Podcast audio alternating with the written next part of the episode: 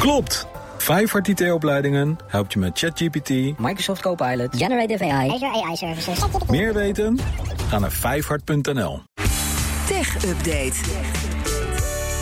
We gaan eens eventjes kijken naar Conor Klerks. Die zit hier in de studio met de tech-update. Nou, Conor, een nieuw jaar op het punt te beginnen. Na twee jaar is het tijd om het chiptekort achter ons te laten horen van iedereen. Hè? Zo eind volgend begin van het nieuwe kwartaal, dan is het klaar. Hè? Ja, achterlaten. Gaan we gewoon begraven.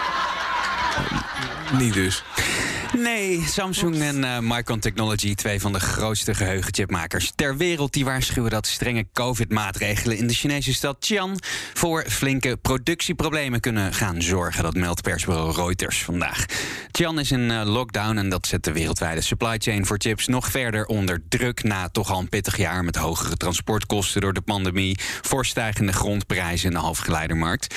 Volgens uh, Micron kan de lockdown in Xi'an zorgen voor vertraging in de levering van DRAM-chips. Die worden veel gebruikt in datacenters.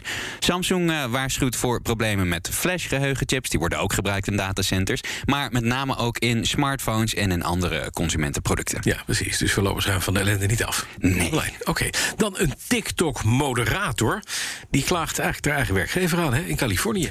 Ja, ja, ze werkt via een, uh, een ander uh, bedrijf voor TikTok. Het gaat om Candy Fraser. Ze is een Amerikaanse vrouw die als moderator werkte. Dus voor TikTok. Zij klaagt TikTok en moederbedrijf ByteDance aan... omdat ze naar eigen zeggen constant werd blootgesteld aan traumatische beelden... zonder dat ze daar uh, adequate hulp op het mentale vlak voor kreeg. Dat schrijft de BBC. Fraser uh, claimt behoorlijk getraumatiseerd te zijn. Ze zou angststoornissen hebben opgelopen, een depressie en PTSS zelfs... Um, tijdens haar werk, want ze zegt dat ze daar zo'n tien video's tegelijkertijd moest bekijken... om haar targets te halen. En die video's waren heel naar. Ze zegt dat ze blootgesteld werd aan video's met seksueel misbruik, cannibalisme, genocide, schietpartijen, kindermisbruik en dierenmishandeling. Ja, fijn dat mensen het allemaal posten. Hè? Heel fijn, ja. ja TikTok God, heeft uh, inmiddels uh, ja. meer dan een miljard maandelijkse gebruikers, zeiden ze afgelopen september. En dus ook gigantisch veel video's. En om de gebruikers niet bloot te stellen aan dit soort beelden, zijn er dus duizenden moderators die die video's eruit die moeten kijken pikken. Naar die shit. Die ja. kijken naar al die narigheid, uh, oh, inderdaad. Ja, Fraser zegt dat ze honderden video's per dag moest checken om haar targets te halen. TikTok zegt dat omdat het een lopende zaak is, ze er niet op willen reageren bij de BBC. Ja, nou, het is al wat zeg. Uh, omdat dit de laatste week van 2021 is, tijd voor de speciale terugblik. Ja, toch? De Tech Top 3. De Tech Top 3. Nou, komt u maar door. We gaan het vandaag hebben over... De grootste kopzorgen van Mark Zuckerberg. Oké. Okay. Want die had uh, zonder twijfel zijn zwaarste jaar als CEO van Facebook, tegenwoordig Meta. En het is toch eigenlijk al een van mijn favoriete onderwerpen geweest dit jaar. En dus op nummer 3... 4 oktober, de dag dat Facebook op zwart ging. Mm -hmm. Het was uh, de grootste storing van de afgelopen jaren en zonder twijfel de storing bij Facebook met het meeste impact. Miljarden gebruikers die konden zo'n zes uur lang niet op Facebook, Instagram of WhatsApp. Wat op zich vervelend was natuurlijk, maar hier in Nederland bijvoorbeeld niet echt het einde van de wereld. Andere landen die kwamen er bekijder af, want in sommige landen is Facebook zo ongeveer het internet. En wat vooral uh, pijnlijk duidelijk werd en potentieel grote gevolgen heeft, is hoe ongelooflijk afhankelijk we geworden zijn van één bedrijf. Nu is het Meta, voorheen was het Facebook, is verantwoordelijk voor een gigantisch deel van hoe wij smartphones en internet gebruiken. Regelgevers in uh, Brussel en Washington, maar ook in Australië en Azië, die zijn daar nu eigenlijk wel uh, van wakker geschrokken en druk bezig om daar verandering in te brengen. -hmm. Al moet ik nog even zien of dat echt zo'n uh, vaart loopt. Want consumenten, met mij voorop moet ik zeggen, zijn nogal lui. En uh, ja, als een app werkt, een dienst werkt en al je vrienden zitten er, dan is overstappen wel echt een grote stap. Moeite, ja. Die Facebook-storing uh, kostte de zak ook heel wat geld. Volgens Bloomberg zakte de koers uh, van Facebook die dag bijna 5%, wat uh, Zuckerberg dan zo'n 6 miljard dollar kostte. Maar voor je hem zielig gaat vinden, dat heeft hij al lang en breed weer terugverdiend. En dan nummer 2.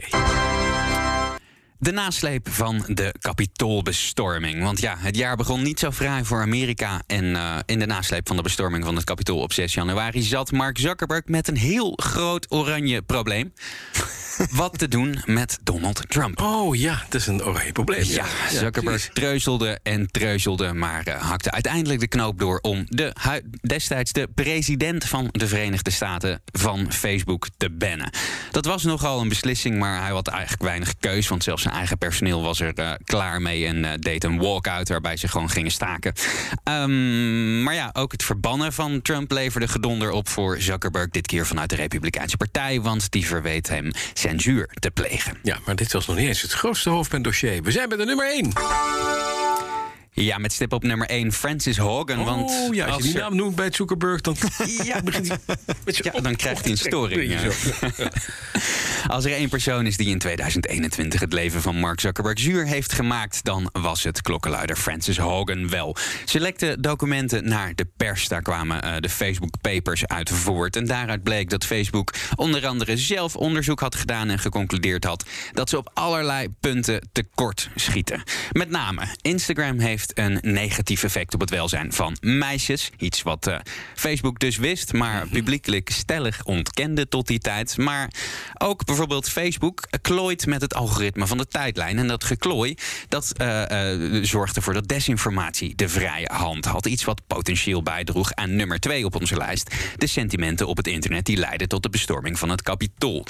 Ander ding, Facebook doet vrijwel niets aan moderatie in andere talen dan in het Engels. Waardoor in India bijvoorbeeld je vrijuit eh, kan haatzaaien. Oh, wat aantoonbaar tot geweld heeft geleid tegen onder andere minderheden.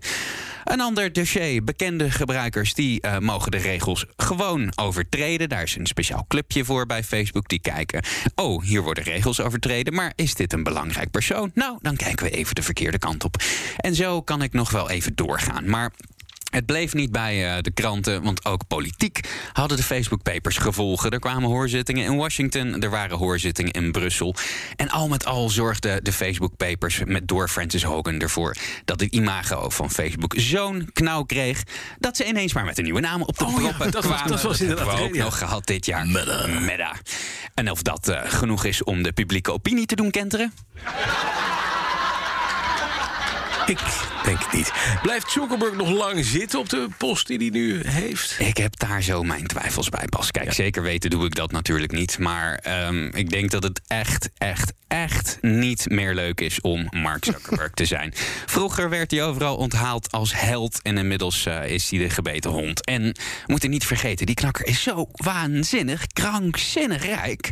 Die zou ook gewoon prima ergens een, een, een, een klein land kunnen kopen en daar eh, voor zijn plezier wat kunnen gaan doen. Of, ja, ik zeg maar iets heel raars, proberen naar Mars te reizen. Met een enkeltje. Hij zit nog niet in de ruimtevaart, toch? Hij zit nog niet in de die andere miljardairs wel. Hij kan niet achterblijven eigenlijk. Ja, zouden, zouden ze hem buitensluiten van het clubje? Weet het niet. Dat- Zoekerspace.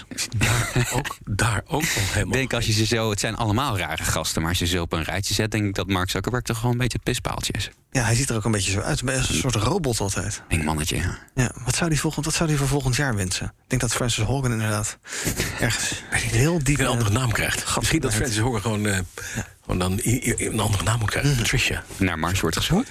Patricia. Hogan. Dankjewel. Conor Klerks. Tech Update wordt mede mogelijk gemaakt door de NVIDIA-expertise van Lenklen.nl. Klopt. Dit is het moment om te starten met AI. Leer het in één dag met Vijfhart. Meer weten? Ga naar vijfhart.nl.